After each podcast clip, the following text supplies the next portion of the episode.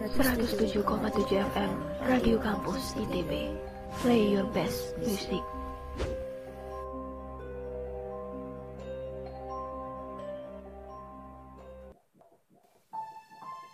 Selamat malam, selamat pagi, selamat siang, selamat datang di podcast yang dapat menemani hari sepi kalian. Dengan hal-hal dewa nalar dan kewarasan. Di mana lagi kalau bukan Arki Najib. Jangan merasa sendiri karena mereka selalu mengawasi.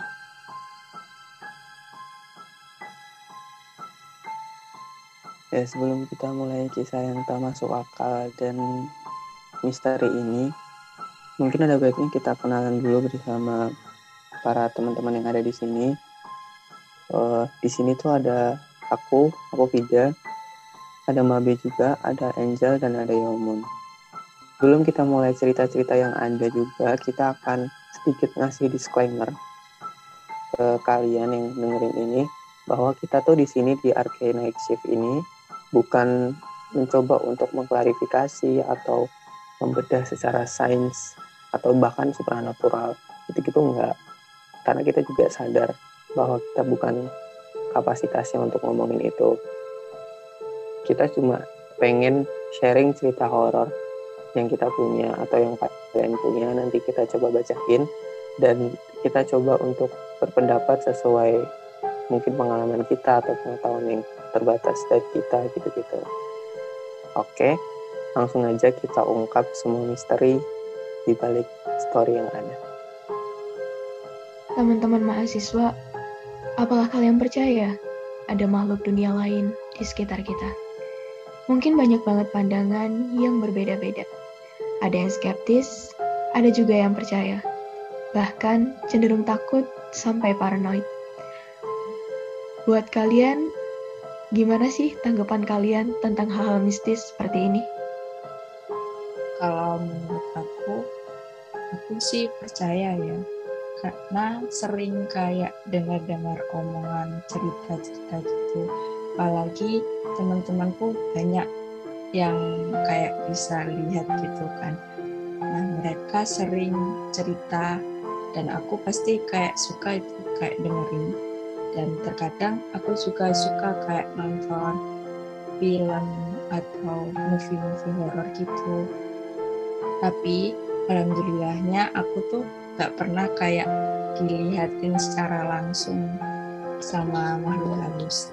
Tapi seperti merasa ada sesuatu yang aneh gitu kayak misalnya itu di tempat tidur kadang kayak ada suara kertek tapi gak ada siapa-siapa ya aku positif thinking mungkin kayak habis didudukin sama orang lain gitu.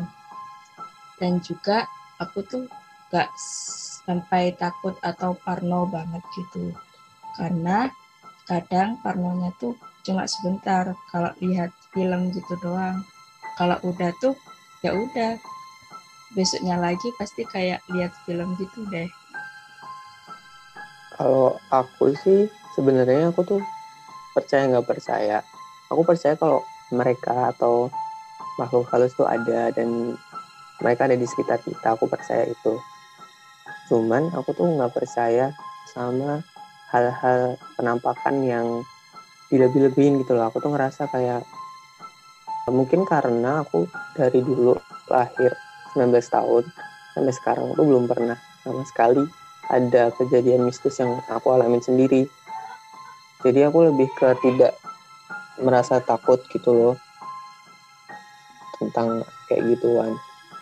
Cuman akunya juga nggak seberani itu aku lebih suka melogikakan sesuatu yang menurutku janggal. Misalnya pas malam-malam di luar terus ada bayangan menyerupai misalnya pocong gitu ya. Aku tuh lebih suka untuk berpikir oh itu kayaknya tiang deh atau atau ranting pohon yang bentuk pohonnya itu kerucut ke atas jadi kayak pocong. Aku tuh lebih suka untuk melogikakan sesuatu hal yang aku temuin. Tapi juga bukan berarti aku berani untuk langsung memastikan sendiri gitu. Aku lebih suka untuk lihat ke arah lain dulu. Misalnya ada bayangan itu aku lihat ke arah lain terus aku berpikir itu tiang itu daud terus ya udah pergi gitu. Jadi aku nggak terlalu takut tapi juga nggak terlalu berani sama hal-hal kayak gitu. Kalau aku setuju banget sih sama Vida ini soalnya aku juga tipe kalau orang yang sebisa mungkin cari alasan logis di balik apa yang terjadi gitu kan. Misalnya teman aku cerita pengalaman dia pasti aku ngaitin sama oh mungkin kamu salah lihat. Oh mungkin itu cuman bayangan aja kalau gelap. Kan bisa aja jaket juga kelihatan aneh ya kalau gelap gitu. Dan jujur aku pribadi tuh orangnya suka banget nonton film horor. Psikopat, thriller kayak gitu-gitu aku berani nonton sendiri. Dan itu jadinya kayak hiburan semata aja untuk asik aja gitu kan. Tapi nyatanya kalau udah dialamin sendiri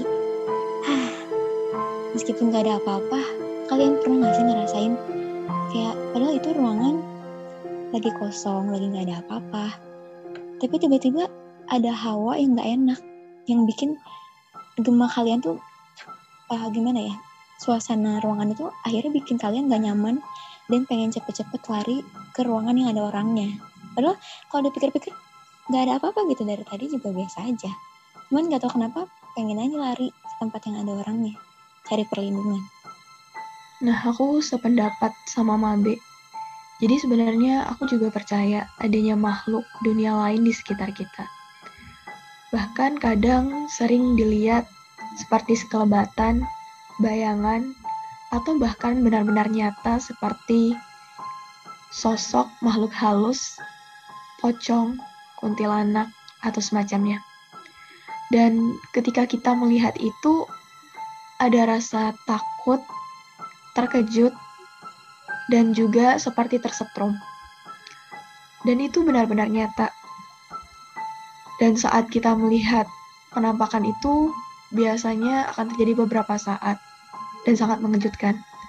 Nah, tapi untuk aku sendiri, setelah melihat penampakan itu, rasanya sudah seperti biasa saja. Karena memang keberadaan mereka itu benar-benar ada hanya saja, mungkin kita tidak melihat mereka, tapi mereka selalu mengawasi kita. Tapi kalian ada yang kayak mereka takut banget gitu kan ya? Gak seberani yang kayak Mabe tadi nonton film buat film horor buat hiburan. Ada kan? Mereka tuh cuma kita mau nyeritain dikit aja kayak udah udah udah selesai selesai aku keluar deh kayak tutup tutup mata tutup tutup telinga kayak langsung spontanitas mereka gitu kan dari itu kayak kita tuh nggak boleh kayak ngechat seluruhnya tuh pemberani. Karena kalau mereka yang kayak mereka yang takut itu seperti langsung nggak pakai logika aja kayak udah langsung hantu ya hantu. Mereka takut ya udah. Kalau takut langsung lari gitu kan. Banyak kita tuh kayak nggak boleh mempercayakan diri kalau semua tuh emang pemberani gitu hantu bener banget sih karena aku pikir semua orang tuh pasti punya rasa takutnya masing-masing ya belum tentu sama. Bener sih karena menurut aku semua orang tuh pasti punya rasa takutnya masing-masing ya. Apa yang dia takut belum tentu kita takut. Apa yang kita takut belum tentu dia takut gitu kan. Dan jadi kalau misalnya mereka lagi cerita emang baiknya gitu kita dengerin. Kita jangan remehin apa cerita mereka. Soalnya kalau belum ngalamin sendiri mereka tuh nggak bisa ngebayangin gimana sih posisi bingungnya posisi kagetnya dan takutnya detik itu bener-bener nge-freeze kayak nggak bisa ngapa-ngapain.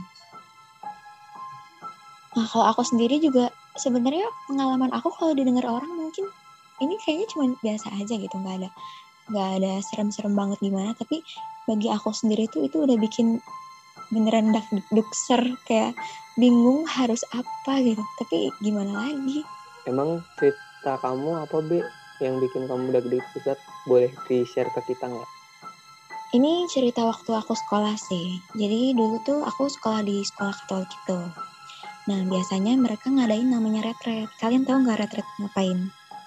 Ya, yang kayak kalian ke gunung atau di villa gitu nggak sih, Be? iya iya bener banget jadi itu tuh biasanya uh, kayak sekolah kayak sekolah tentang apa agama gitu berdoa nggak pakai sosmed beberapa hari sama pastor. Nah biasanya tuh itu dilakuinnya di kayak villa khusus buat retret. Tapi kali itu tuh uh, sekolah aku nggak pakai uh, tempat itu. Sekolah aku malah pakai uh, kayak tempat panti asuhan yang mereka tuh punya gedung sendiri yang disewain gitu. Pokoknya gedung kita nginep di gedung itu. Terus acara retret itu tuh bergilir per kelas. Kelas aku tuh di tengah-tengah urutannya jadi tentu aku nanya dong ke yang lain gimana nih retret kemarin? Kalian ngapain aja? Kayak gitu. Dan sebagian besar cerita dari mereka tuh malah cerita-cerita yang gak masuk akal. Kejadian-kejadian yang di luar nalar. Dan aku mikir ini kok malah kayak gini ya? Ini aku malah mikirnya ini orang-orang pada lebay nih cuman pengen nakut-nakutin kelas lain doang iseng gitu kan. Nah akhirnya sampailah di urutan kelas aku pas datang ke sana tuh eh tempatnya tuh asri sejuk banyak pohon taman. Biasalah ya hawa-hawa di Lembang terus uh, gedungnya tuh kalau nggak salah tiga lantai kayak gedung sekolah. Jadi posisinya di tengah tuh ada uh, kayak taman gitu. Terus kita gedungnya ngeliling gitu. Di ujung ada kamar suster terus di lantai dua itu ada kamar aku. Kalau di lantai satu ada uh, kantin sama ruangan pembelajaran di situ tuh aku satu kamar berdua sama teman aku. Kasurnya itu single bisa-bisa gitu. Yang aku tuh kebagian yang dekat jendela. Jadi di situ di kamarnya ada jendela gede banget. Pemandangannya bagus ngelihat ke matahari ngelihat ke taman di belakang. Terus uh, yaudah aku di situ nggak ada nggak ada serem-seremnya ya aku pilih kasur di situ.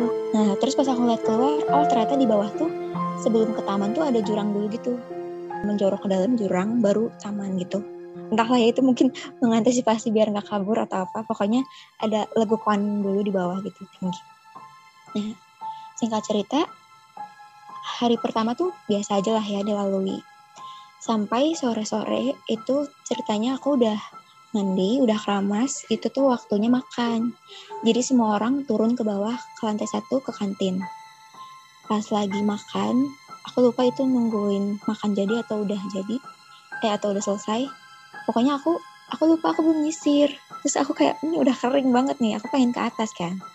Tapi teman-teman aku tuh masih masih stay di sana masih makan dan lain sebagainya. Jadi ya udahlah ya aku sendiri aja cuman ke atas satu lantai doang gitu. Terus akhirnya aku nyampe kamar aku nyisir terus aku minum di depan kasur aku dekat jendela. Tiba-tiba aku ngedenger ada yang manggil. Tapi suaranya berbisik. Apa? Apa? Sumber suaranya itu dari arah jendela. Terus aku pikir, aduh ini kayaknya anak-anak pada iseng nih. Lagi jam makan malah diajak main gitu kan, diajak keluar. Tapi terus aku mikir lagi, lah kan tadi aku lihat jendela itu ada jurang. Apalagi ini lantai dua loh. Dari lantai dua terus ada jurang. Mana mungkin orang teriak tapi nyampainya kayak bisik-bisik. Dan mana mungkin ada teman aku yang bisa ke jurang itu. Gimana cara aksesnya? Aku bener-bener diem, mikir ini suara dari mana? Ini tapi aku beneran ngejelas panggilan aku yang dipanggil gitu aku lagi diem banget tiba-tiba Mobi pintu terbuka teman aku masuk. Kamu kenapa sih? Kayak habis ngeliat apa aja. Dia bingung. Tapi aku nggak ambil pusing aku langsung senyum ke dia senyum awkward pastinya. Terus aku ngajak dia keluar. Aku nggak mau ceritain ini soalnya aku nggak mau juga dianggap seakan-akan aku penakut atau gimana gitu ya dia pasti bisa aja mikir itu suara dia gitu. Tapi aku inget jelas sumber suara kan datangnya dari arah jendela. Pintu itu ada di seberang jendela. Mana mungkin sumber suaranya berbeda. Dan itu suaranya bisik-bisik. Terus ah, ya udahlah ya. Aku lewati aja tuh hari itu. Sampai malamnya aku maksa tidur sekasur sama teman aku. Padahal itu single tapi ya udah apa-apa ya. Terus besokannya besokannya itu biasa lagi pembelajaran sampai ada jam bebas di uh, siang menuju sore hari. Nah di jam bebas itu aku bosen jadi aku ngajak teman-teman kamar lain buat join ke kamar aku kita ngobrol-ngobrol bareng. Akhirnya ada tuh bertujuh atau berenam orang di kamar aku. Lima orang tuh duduk di kasur teman aku. Jadi kasur teman aku tuh ada di uh, sisi sebelah sisi satunya yang nempel ke uh, kamar mandi. Jadi nempel ke tembok kamar mandi, terus dari kamar mandi ada pintu gitu kan. Nah, kita semua duduk di situ. Dua orang duduk di kursi depan meja. Posisinya, aku tuh ada di ujung kasur, nyender ke, ke tembok, jadi sebelah kiri aku tuh jalan menuju pintu keluar, kayak gitu. Tiba-tiba lagi asik cerita, ini ini jelas banget, ini nggak kayak kemarin yang bisik-bisik ini jelas banget ada di sebelah kuping aku dan keras banget. Ada suara uh, terengah-engah, kayak orang terengah-engah.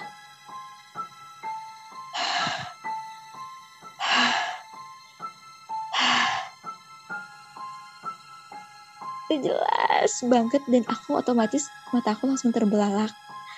Aku ngeliat sekitar dan aku cuma nemuin satu teman aku yang matanya terbelalak juga kayak aku dia duduk agak jauh di kursi depan meja. Tapi anehnya tuh yang lain ngobrol aja biasa, kayak nothing happen, biasa aja. Dan aku sama dia panik sendiri dong. Tapi kita sama-sama nggak cerita. Kita akhirnya dengan gemetar dan uh, senyum yang aneh sambil sambil dibawa bercanda kita akhirnya pelan-pelan pindah ke posisi lain. Aku pindah ke posisi kasur aku dan gak cerita sama yang lain sampai akhirnya aku baru cerita saat di perjalanan pulang. Nah, baru deh di perjalanan pulang itu bener. Ternyata yang lain itu nggak ngedenger apa-apa. Dan aku sharing sama teman-teman di kamar lain, bahkan mereka uh, malah cerita tentang pengalaman mereka juga ada pengalaman mistis lainnya yang bikin aku ngeri gitu. Kalau udah dialamin sendiri, baru tahu kan rasanya gimana. Itu serem sih, lumayan sih. Yang nggak ngalamin aja, yang dengerin cerita kamu aja bisa ngevisualisasiin kejadian dan kayaknya kalau aku ada di kejadian itu juga pasti akan bingung dan takut sih. Terus juga kalau yang aku notice dari pengalaman kamu ya Bi, dan mungkin juga ini mungkin udah jadi hal yang diketahui orang-orang gitu. Kita tuh kadang kalau misalnya ngalamin kejadian horor jangan cerita pas di tempat itu gitu. Sebisa mungkin ceritain nanti di rumah atau di, di luar lokasi itu yang sih kalian pernah dengar perkataan kayak gini nggak sih? Jangan cerita uh, horor di tempat kamu mengalaminya. Iya aku pernah dengar kayak gini. Katanya tuh kalau kita cerita di tempat itu kita malah kayak ngundang semua makhluk yang ada di situ. Malah mereka makhluk-makhluk itu kayak seneng gitu. Ada rame-rame yang undang mereka, yang ingin tahu mereka. Dan kadang kalau kita udah kayak merasa ketakutan tuh, mereka lebih kayak seneng lagi gitu. Bener banget, kejadian kayak gitu tuh emang sering banget terjadi di sekitar kita. Jadi mereka makhluk astral itu bakal suka kalau kita omongin. Mereka ngerasa kalau keberadaan mereka itu dipercaya. Nah, kadang juga kejadian mistis seperti itu ada yang gak sesuai sama logika dan nalar kita. Tapi apa mau dikata, emang makhluk astral itu ada di sekitar kita. Mereka selalu mengawasi dan juga kadang mengganggu kita. Iya sih, misalnya di ceritanya Mabe tadi nih, Mabe kan dengar suara kan, terus dia udah coba untuk melogikakan apa yang terjadi misalnya oh ini cuma suara temen. Tapi nih ketika logika kamu yang tadi itu ternyata terbentur dengan kenyataan yang ada kalau diceritain Mabi kan Mabi langsung sadar oh iya kalau suara temen kok di jendela sana? Bukannya sana itu ada jurang. Nah di momen-momen itu tuh pas logika kita udah nggak bisa dijalanin lagi itu bakal jadi momen paling serem sih menurut aku. Udah lebih ke aduh oh iya juga ya di sana ada jurang jadi nggak mungkin ada orang. Terus itu suara apa ya? Terus pas sudah kita nggak bisa mikir itu adalah momen yang menurutku bingung dan seremnya tuh di situ sih. Iya kan kadang bingung juga gitu. Kita mau ini tuh dijadiin sebuah kejadian kejadian yang logis. Tapi gimana pun juga dikaitin itu malah nggak logis gitu kan. Jadi meskipun kejadiannya terdengar sepele tapi tetap bikin takut gitu ujungnya. Nah kalau dari aku gitu sih. Kalau dari kalian sendiri nih ada nggak sih pengalaman mistis yang mungkin uh, lebih nyata gitu? Lebih nyata dari aku dari pengalaman aku yang cuma suara doang. Aku penasaran banget sih sama yang kalian alami. Dari aku sendiri sebenarnya ada sih uh, suatu pengalaman yang mungkin gak bisa aku lupain dari hidup aku. Jadi uh, ada suatu hari tetangga aku tuh ditinggal gitu sama orang tuanya keluar kota. Nah, jadi aku dan temen aku satunya lagi diminta sama dia buat temenin dia tidur di rumahnya. Ya, kita senang-senang aja ya, mau main bareng gitu kan. Nah, sekitar jam 5 sore, itu kita udah mulai ke rumah dia mulai main bareng makan dan ya melakukan kegiatan seperti selayaknya tapi habis maghrib itu mulai kerasa aneh kayak ada hawa nggak enak di rumah itu tapi kita masih kayak ya aman-aman aja sih karena ngerasa paling ini cuma perasaan kita aja lanjut setelah Isya kita lanjut main-main gitu. Dan mutusin buat tidur sekitar jam 10 malam. Nah, setelah itu kita tidur nyenyak nih. Ya enak banget tidur pules. Tapi setelah tidur, naasnya, apesnya, aku kebangun di jam 12 lewat 15. Dan betapa terkejutnya aku aku ngedengar suara tangisan rintihan yang sangat merintih.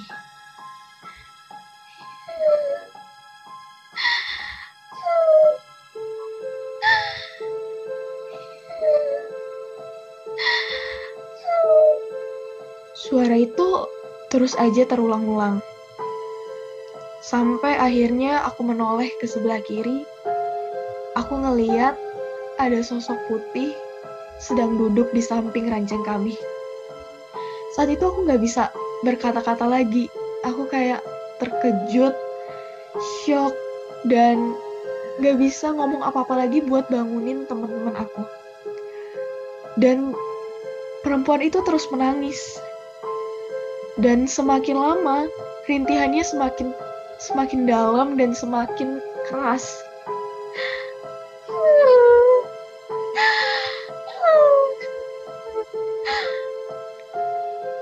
karena aku udah nggak tahu lagi mau ngapain akhirnya aku mutusin buat pergi dari rumah itu lewat jendela aku nggak mikir lagi ada pintu di rumah itu aku langsung cepet-cepet buka jendela dan aku langsung lari balik ke rumah aku aku langsung ngetok pintu rumah dan bu cepet bukain pintu kayak aku udah gak sanggup lagi nih berada di luar mengingat kejadian tadi Ibu aku pas bukain pintu langsung kaget dong.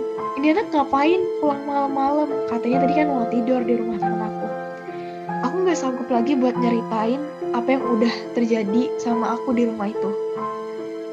Tapi bodohnya aku, aku baru inget kalau jendela tadi belum aku tutup. Ah, apalagi ini, aku nggak mau balik ke rumah itu lagi. Tapi apa mau dikata, aku harus balik ke rumah itu buat nutup jendela karena takutnya ntar ada orang dari luar yang masuk ke rumah itu. Akhirnya aku mutusin buat minta ayahku buat nemenin aku nutup jendela. Walaupun di situ tangan aku masih gemeter, muka aku masih pucat, dan aku nggak bisa ngomong banyak. Aku mutusin buat pergi ke rumah itu lagi. Bahkan untuk nutup jendela itu pun aku nggak sanggup buat buka mata aku. Nah, setelah itu, setelah menutup jendela itu, aku langsung kembali ke rumah. Dan aku mutusin, aku nggak bakal lagi balik ke rumah itu. karena sampai sekarang pun aku masih ingat bagaimana rintihan perempuan itu.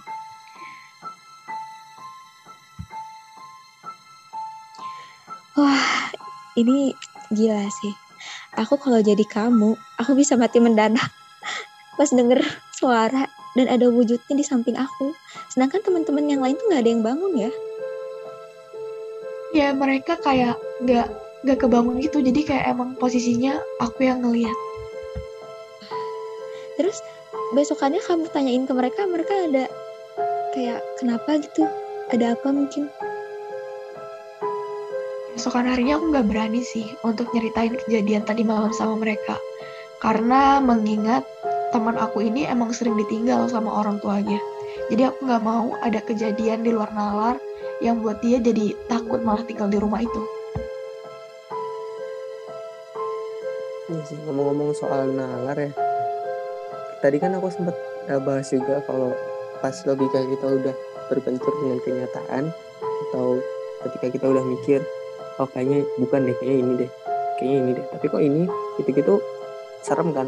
Tapi ini ada yang lebih serem nih ketika udah nggak bisa di logika lagi deh karena udah ada wujudnya kan di dekat kamu tuh. Jadi udah kayak ah, kayak dia mau di logika kayak gimana coba?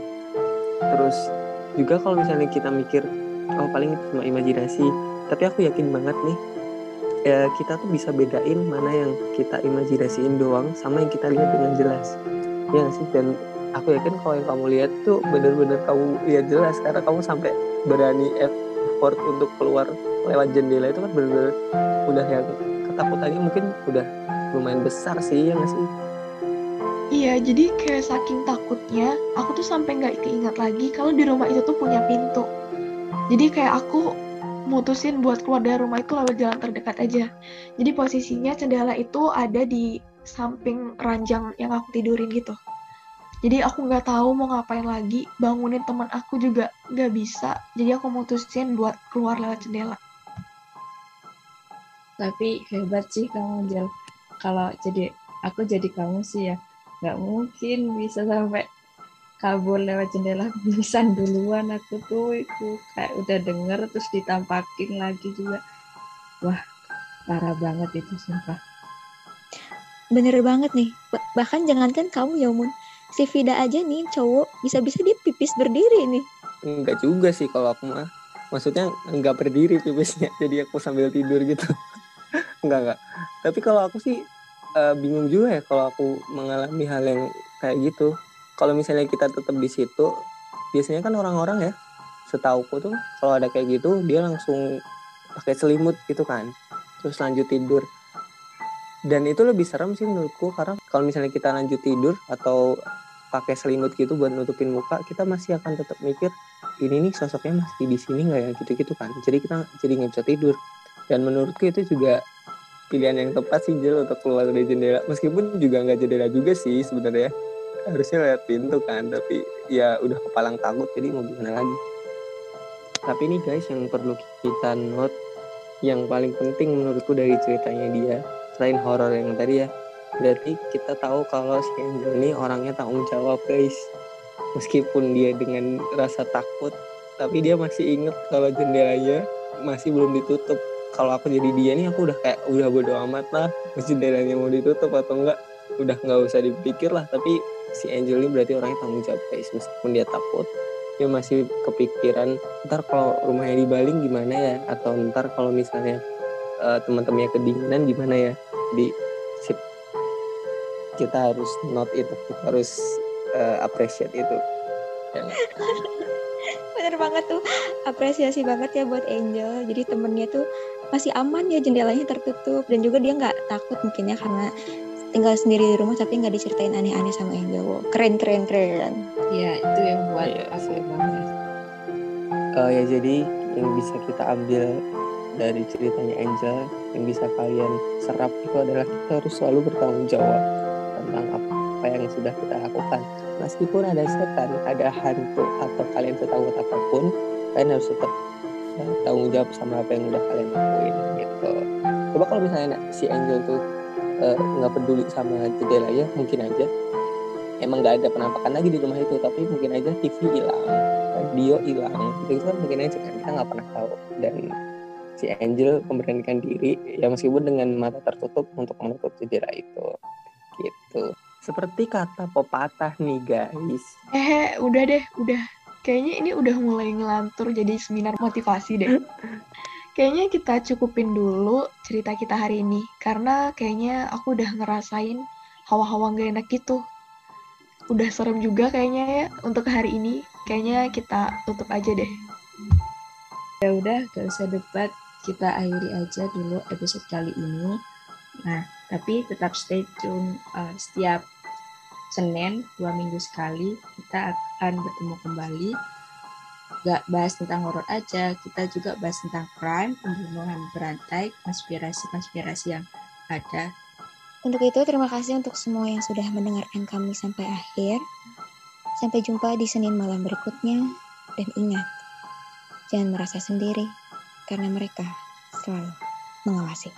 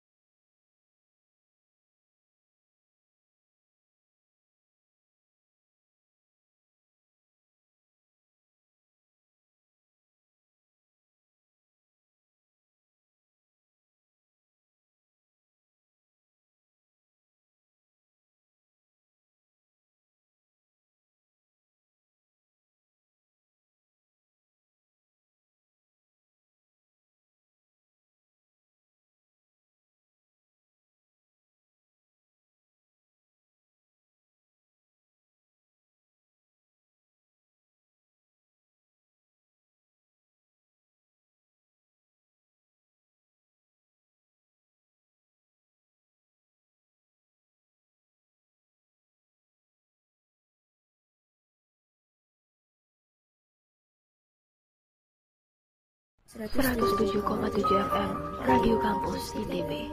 Play your best music. Selamat malam, selamat pagi, selamat siang, selamat datang di podcast yang dapat menemani hari sepi kalian dengan hal-hal di luar nalar dan kewarasan.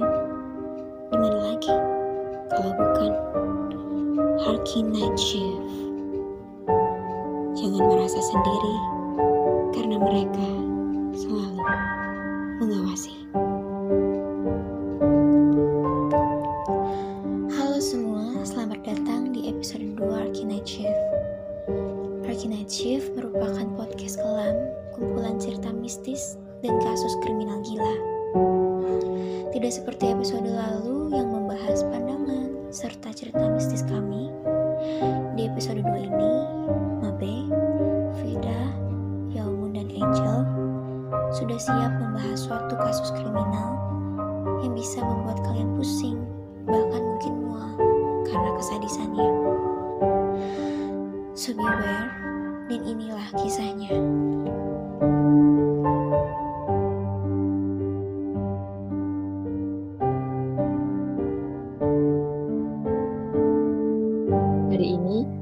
Akan bahas sebuah kisah tragis dan sangat sadis yang dialami oleh remaja 60 16 tahun asal Jepang, Junko Furuta.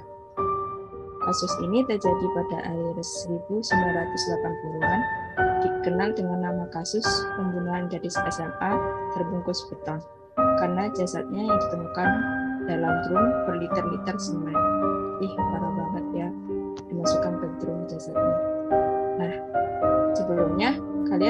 nggak sih siapa itu Junko Furuta? Nah, Junko Furuta itu adalah gadis asal Misato, prefektur Saitama, dan sangat populer di sekolahnya, SMA Yasuyo Minami. Ia dikenal cantik dan populer, tapi tak seperti kebanyakan gadis populer yang suka bertindak nakal. Buta hanyalah gadis yang baik, rajin, bahkan bekerja paruh waktu untuk membantu orang tuanya. Awal penderitaan dari Furuta itu dimulai ketika seseorang lelaki bernama Hiroshi Miyano tertarik kepadanya. Biasanya, Miyano dan kawan-kawan menyukai perempuan yang nakal, suka minum alkohol, rokok, atau pakai narkoba seperti yang mereka lakukan. Justru, anak baik seperti Furuta akan direndahkan oleh geng seperti itu. Namun suatu hari Miyano itu malah suka pada dia. Ia tertarik pada para Furuta itu. Miyano menyatakan cinta, namun Furuta menolak dengan alasan ia sedang tak berminat berpacaran. Ya wajar lah ya kan emang anak baik-baik. Pasti dia kayak udah nggak mau melakukan hal-hal yang emang di luar ya kayak pacaran gitu. Nah, selama ini semua siswa di sekolah menaati kemauan Yano. Apalagi kalau bukan karena mereka takut pada teman-teman Yakuzanya. Nah, Yakuza itu sendiri merupakan kayak geng mafia kriminal di Jepang gitu. Gak wajar lah ya takut. Namanya aja kayak geng mafia, pasti kalian kan takut juga kalau uh, jadi sasaran dari geng tersebut. Nah, Miyano dan koneksi Yakuzanya pamer kekuasaan dengan cara menyebar dan mengeksploitasi ketakutan orang lain, sehingga penolakan dari Furuta membuat Miyano marah besar. Lantas, gimana sih kronologi dari awal kesengsaraan Furuta? Nah, jadi tepatnya malam hari pada pukul setengah sembilan, tanggal 25 November 1988, Furuta pulang dari pekerjaan paruh waktunya dengan menaiki sepeda. Nah, naasnya, saat itu Miyano dan Nobu Haruminato sedang berkeliaran di Misato untuk merampok dan memperkosa wanita lokal. Mereka kemudian melihat Furuta yang mengendarai sepeda. Atas perintah dari Miyano, Minato menendang sepeda Furuta hingga gadis itu terjatuh. Dan akhirnya Furuta tidak diantarkan ke rumah, melainkan diantarkan ke sebuah bekas gudang yang tak jauh dari lokasi jatuhnya sepeda. Miano mulai nih melancarin ancamannya dan juga mempamerkan kekuasaan dengan kembali menyinggung koneksinya dengan Yakuza. Setelah itu, parahnya ini, si Furuta dibawa ke hotel lagi. Miano juga menghubungi dua orang temannya, Jo Ogura dan Yasushi Watanabe. Kemudian Minato menyusul, serta keempat temannya tadi membawa Furuta ke rumah orang tua Minato di distrik Ayase Adachi. Nah, Furuta saat itu sadar nih, tapi dia nggak berani buat kabur. Ya bisa dibayangin lah ya, dalam kondisi tertekan oleh banyak orang, apalagi orang tersebut merupakan geng mafia Jepang. Para lelaki itu juga mengatakan kepada Furuta bahwa dari buku catatan Furuta, mereka tahu di mana Furuta tinggal dan mengancam bahwa Yakuza akan membunuh keluarganya jika dia berusaha kabur. Setelah dua hari berlalu, Furuta masih tetap disekap oleh para gangster itu. Orang tua Furuta mulai khawatir. Anaknya pun juga tak kunjung pulang. Kemudian, pada tanggal 27 November, orang tua Furuta mencoba untuk mengontak pihak kepolisian. Kemudian, tak lama berselang, ada telepon dari Furuta. Ternyata untuk menghindari pencarian dari polisi ini, si Miyano mencari akal untuk memaksa Furuta berbohong kepada orang tuanya bahwa dirinya sedang menginap selama beberapa hari di tempat temannya dan meminta agar polisi menghentikan pencarian dirinya. Jadi dari sini aja kita udah bisa lihat kalau Miyano ini otaknya sangat licik ya teman-teman. Sementara itu, orang tua Minato tak curiga karena Furuta dipaksa untuk mengaku sebagai pacar dari salah satu penculik tersebut. Meski tak sepenuhnya percaya, keluarga Minato memilih untuk diam, sebab mereka tahu Miyano adalah kenalan dari Yakuza. Di rumah itulah selama 44 hari ke depan, Furuta berkali-kali mendapatkan penyiksaan yang tingkat kekejamannya melewati logika kemanusiaan. Bukan hanya oleh keempat lelaki itu, tapi teman-teman Yakuzanya juga sering mengundang untuk turut menyiksa Furuta. Laporan resmi pengadilan Jepang juga mencatat penyiksaan dengan detail yang dinarasikan ulang oleh media masa setempat. Menurut laporan persidangan kasus ini, Furuta diperkosa sebanyak lebih dari 400 kali secara bergilir oleh para lelaki itu. Gadis paling populer di sekolahnya itu bahkan juga dijadikan sasaran kekerasan fisik. Tubuhnya digantung di atas plafon dan diperlakukan seperti karung tinju. Dan tak jarang perutnya juga dihantam oleh barbel. Kalian bisa bayangin dalam kondisi yang udah diperkosa sebanyak ratusan kali, kemudian dia juga disiksa nih. Jadi nggak kebayang sih gimana rasanya jadi Furuta. Kemudian oleh para lelaki keji itu, Furuta juga dibuat kelaparan. Tapi lebih kejinya lagi, ia dipaksa makan kecoak hidup atau meminum urinnya sendiri. Kemudian beberapa bagian tubuhnya juga dibakar, seperti ditempel lilin panas atau dibakar dengan rokok dan korek api. Bahkan beberapa bagian dari tubuhnya dimutilasi atau ditusuk jarum jahit. Dalam kondisi yang demikian brutal, Furuta dipaksa untuk bermastur depan para pelaku. Benda-benda asing yang tak masuk akal dimasukkan ke kemaluan dan anusnya, sehingga mengakibatkan pendarahan yang sangat hebat kurang lebih 16 hari lamanya penyekapan Furuta, akhirnya ada satu pria yang berani bicara. Dia adalah pria yang juga diintimidasi oleh para pelaku untuk ikut memperkosa Furuta. Dia melaporkan insiden itu pada saudaranya. Saudaranya pun meminta orang tuanya untuk memanggil polisi dan memeriksa rumah Minato. Tapi, dua polisi yang bertugas mengatakan tak ada gadis di rumah Minato.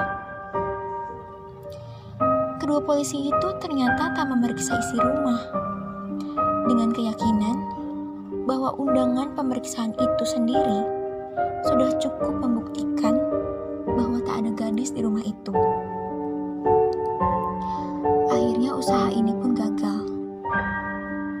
pada bulan Desember, setelah satu bulan berada dalam penyekapan, Furuta berhasil menemukan ponsel dan menelpon pihak kepolisian.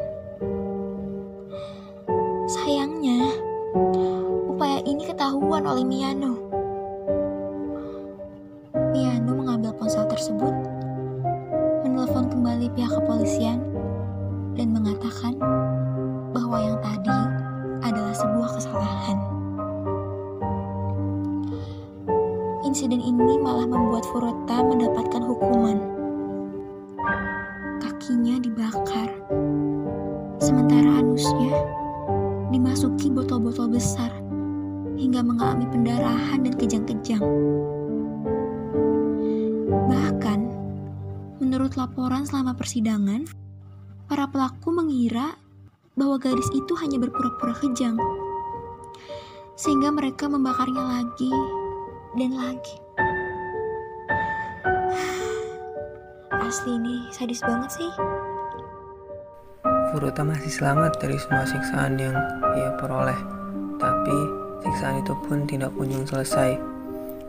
Pada suatu saat, Furuta sampai meminta agar dirinya dibunuh saja agar penderitaannya berakhir. Namun para pelaku menolak dan malah memaksanya tidur di balkon. Padahal saat itu sedang musim dingin yang membuat badannya kedinginan sangat parah.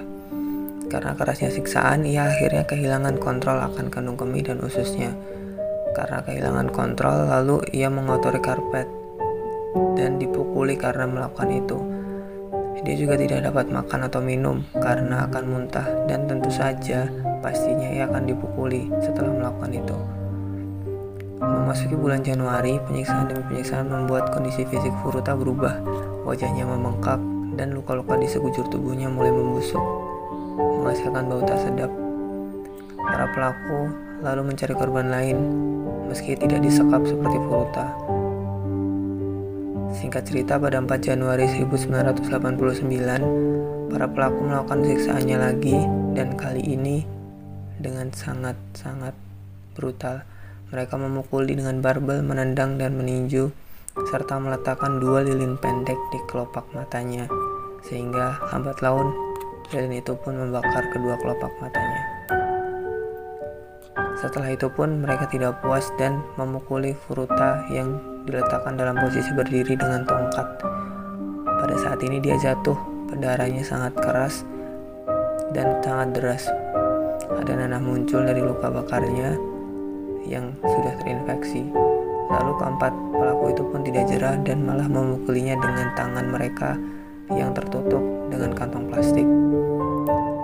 Mereka terus memukulinya dan pada akhirnya menuangkan cairan panas ke paha, lengan, wajah, dan perutnya.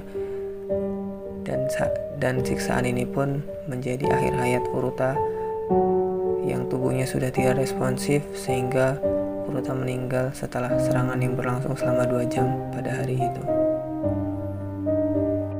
Para pelaku kemudian membungkus tubuh Furuta dengan selimut, menempatkannya di drum bervolume 208 liter, dan mengisinya dengan semen basah hal ini jadi suatu kayak uh, ciri khasnya gitu loh kasus ini karena mayatnya ditemukan di dalam drum dan dicor dengan semen. Pada pukul 8 malam, mereka membawa drum ke sebuah daerah bernama Koto di Tokyo. Yang di daerah tersebut, drum yang berisi mayat Furuta itu dibuang di dalam truk semen. Lalu, Beberapa pelaku ditangkap pada akhir Januari 1989 atas kasus pemerkosaan gadis lain. Pada 29 Maret, setelah interogasi lebih lanjut, mereka mengakui kejahatan yang mereka lakukan terhadap Puruta dan menyeret pelaku lainnya. Akhirnya nih, karena mereka udah mengaku, drum berisi tubuh Furuta yang ditemukan keesok harinya pada 30 Maret 1989 mengagetkan semua pihak. Karena kasus ini lumayan menarik simpati publik, tak lama berselang pengadilan atas kasus ini dimulai dengan mendatangkan seluruh pelaku. Namun vonis terhadap pelaku dirasa tidak adil dalam pandangan masyarakat. Bahkan nih yang paling ringan adalah hukuman penjara 7 tahun, sementara yang terberat 20 tahun. Kenapa kok uh, hukuman mereka itu ringan padahal kejahatan mereka itu di luar batas manusia normal? Nah, hakim kesulitan memenuhi tekanan publik yang menuntut agar si pelaku ini tuh dihukum lebih lama bahkan ada yang bilang dihukum mati tapi karena pelakunya itu kebanyakan masih di bawah umur sehingga hukum di Jepang waktu itu tidak bisa digunakan sepenuhnya gitu untuk orang yang di bawah umur. Bahkan di berbagai negara di kebanyakan negara kebanyakan orang yang di bawah umur itu tidak dikenakan hukum yang setimpal. Lalu karena uh, mayat Furuta itu sudah ditemukan, akhirnya pada tanggal 2 April April 1989 mayat Furuta ini atau Junko Furuta ini dimakamkan yang dihadiri keluarga dan teman-teman dekatnya yang dengan suasana harunya hadir di sana bersama kesedihan yang mendalam. Iya sih, aku setuju sama pernyataan mereka bahwa mereka melindungi anak di bawah umur. Tapi tetap aja, menurut aku semua pelaku kejahatan itu harus diadili. Terus aku penasaran nih, kira-kira gimana sih kabar para pelaku saat ini? Jadi menurut informasi yang aku dapat, pelakunya itu yang pertama Hiroshi Miyano itu bebas dan tidak merasa bersalah menceritakan apa yang telah ia lakukan pada Furuta. Bahkan nih, ia setelah bebas itu, ia hidup berfoya-foya dan menghamburkan uang. Sempat terjangkit kasus penipuan, namun buktinya tak cukup untuk memasukkan dia kembali ke penjara. Bahkan guys, setelah dia bebas pun, kejahatan yang ia dulu lakuin itu tidak membuat ia jerah dan malah membuat ia semakin menjadi-jadi. Lalu yang kedua ada Joe Ugura, Augura, itu juga sama setelah ia bebas, ia tuh suka banget nyombongin perannya sebagai penculik, pemerkosa, dan penganiaya Junko Furuta. Bahkan, ia menghabiskan tabungan ayahnya yang seharusnya diberikan pada orang tua Furuka. Akhirnya, dia itu juga pernah dipenjara karena menganiaya orang dan dipenjara 4 tahun. Kedua orang ini atau uh, pelaku kedua ini pun juga tidak jerah gitu loh guys setelah dia dihukum penjara akhirnya pas sudah keluar dia juga melakukan hal yang sama bahkan yang lebih kurang masuk akal dan membuat orang-orang marah setelah mendengar kasus ini adalah para pelaku itu nggak merasa jerak dan malah sombong gitu atas yang ia lakukan sebelumnya. Lalu yang ketiga yang uh, Shinobuhara Minato itu tuh dia setelah bebas juga sempat terjangkit kasus pembunuhan atau percobaan pembunuhan. Tapi uh, yang terakhir ya yang ya Sushi Watanabe itu tidak ada berita lagi sih tentang dia. Ya semoga kita berharap bahwa pelaku yang tidak ada berita ini sudah mengakui kesalahannya dan sudah belum menjadi lebih baik gitu. Jadi sampai sekarang nih guys sudah 32 tahun kejadian tragis ini berlalu dan para pelaku pun sekarang sudah bisa menghirup angin bebas di luar penjara. Apakah mereka akan mengulangi kejahatan yang sama seperti yang mereka lakukan pada Puruta? Ada sih yang kayak gitu. Nah, yang inilah yang ditakutin para penduduk Jepang kalau mereka itu mengulangi hal-hal yang sama. Dan seperti yang kita lihat tadi, informasi yang aku dapat pun beberapa uh, sebagian besar pelaku itu malah sombong dan juga tidak merasa bersalah sedikit pun atas atas apa yang mereka lakukan dulu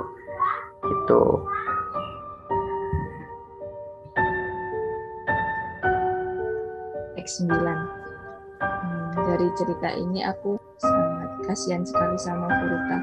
Dia kan cewek yang emang populer tapi dengan kepopuler itu juga sangat tragis juga sih. Dia kayak jadi sasaran oleh geng mafia yang emang terkenal di Jepang tadi kan.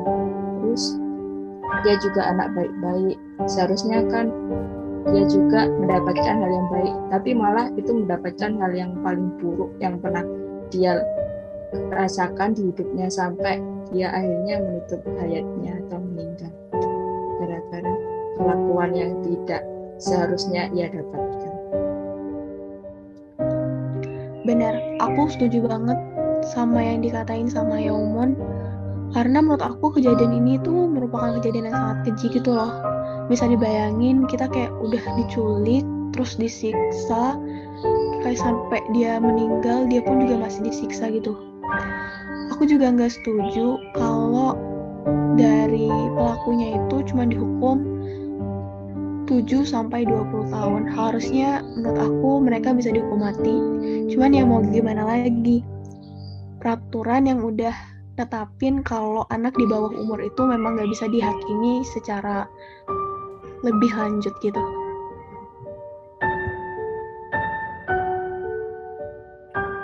Aku tahu ini kasus yang cukup membuat para pembacanya dan aku yakin keluarga ditanggal, ditinggalkan juga akan merasa sangat marah dan sangat sangat sangat geram gitu atas perlakuan yang empat orang pelaku ini lakukan pada Furuta. Tapi kebanyakan orang tidak bisa berbuat banyak karena hukum pun juga mengatur untuk di bawah umur tidak seperti yang kita harapkan. Jadi ya kita hanya bisa berdoa semoga Furuta bisa untuk uh, diberikan yang terbaik sebagai ganti siksaan yang dia terima dan semoga semua perbuatan yang pelaku-laku ini tuh dibalas dengan yang setimpal. Uh, intinya adalah kalau menurutku kita semua itu harus bisa untuk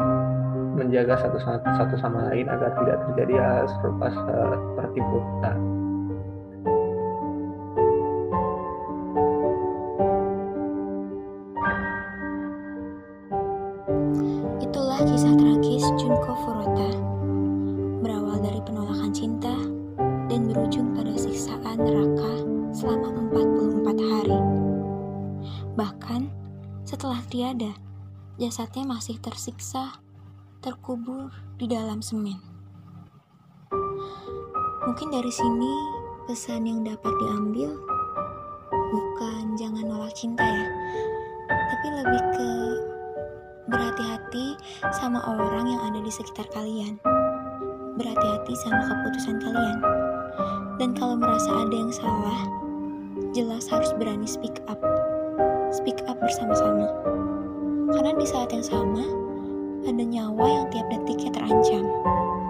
Ada jiwa yang hancur menunggu titik keajaiban. Selagi punya kesempatan, bukankah baik untuk memberikan bantuan? Untuk itu, sekian podcast hari ini. Terima kasih untuk semua yang sudah mendengarkan podcast kami sampai akhir. Sampai jumpa di Senin malam berikutnya. Dan ingat,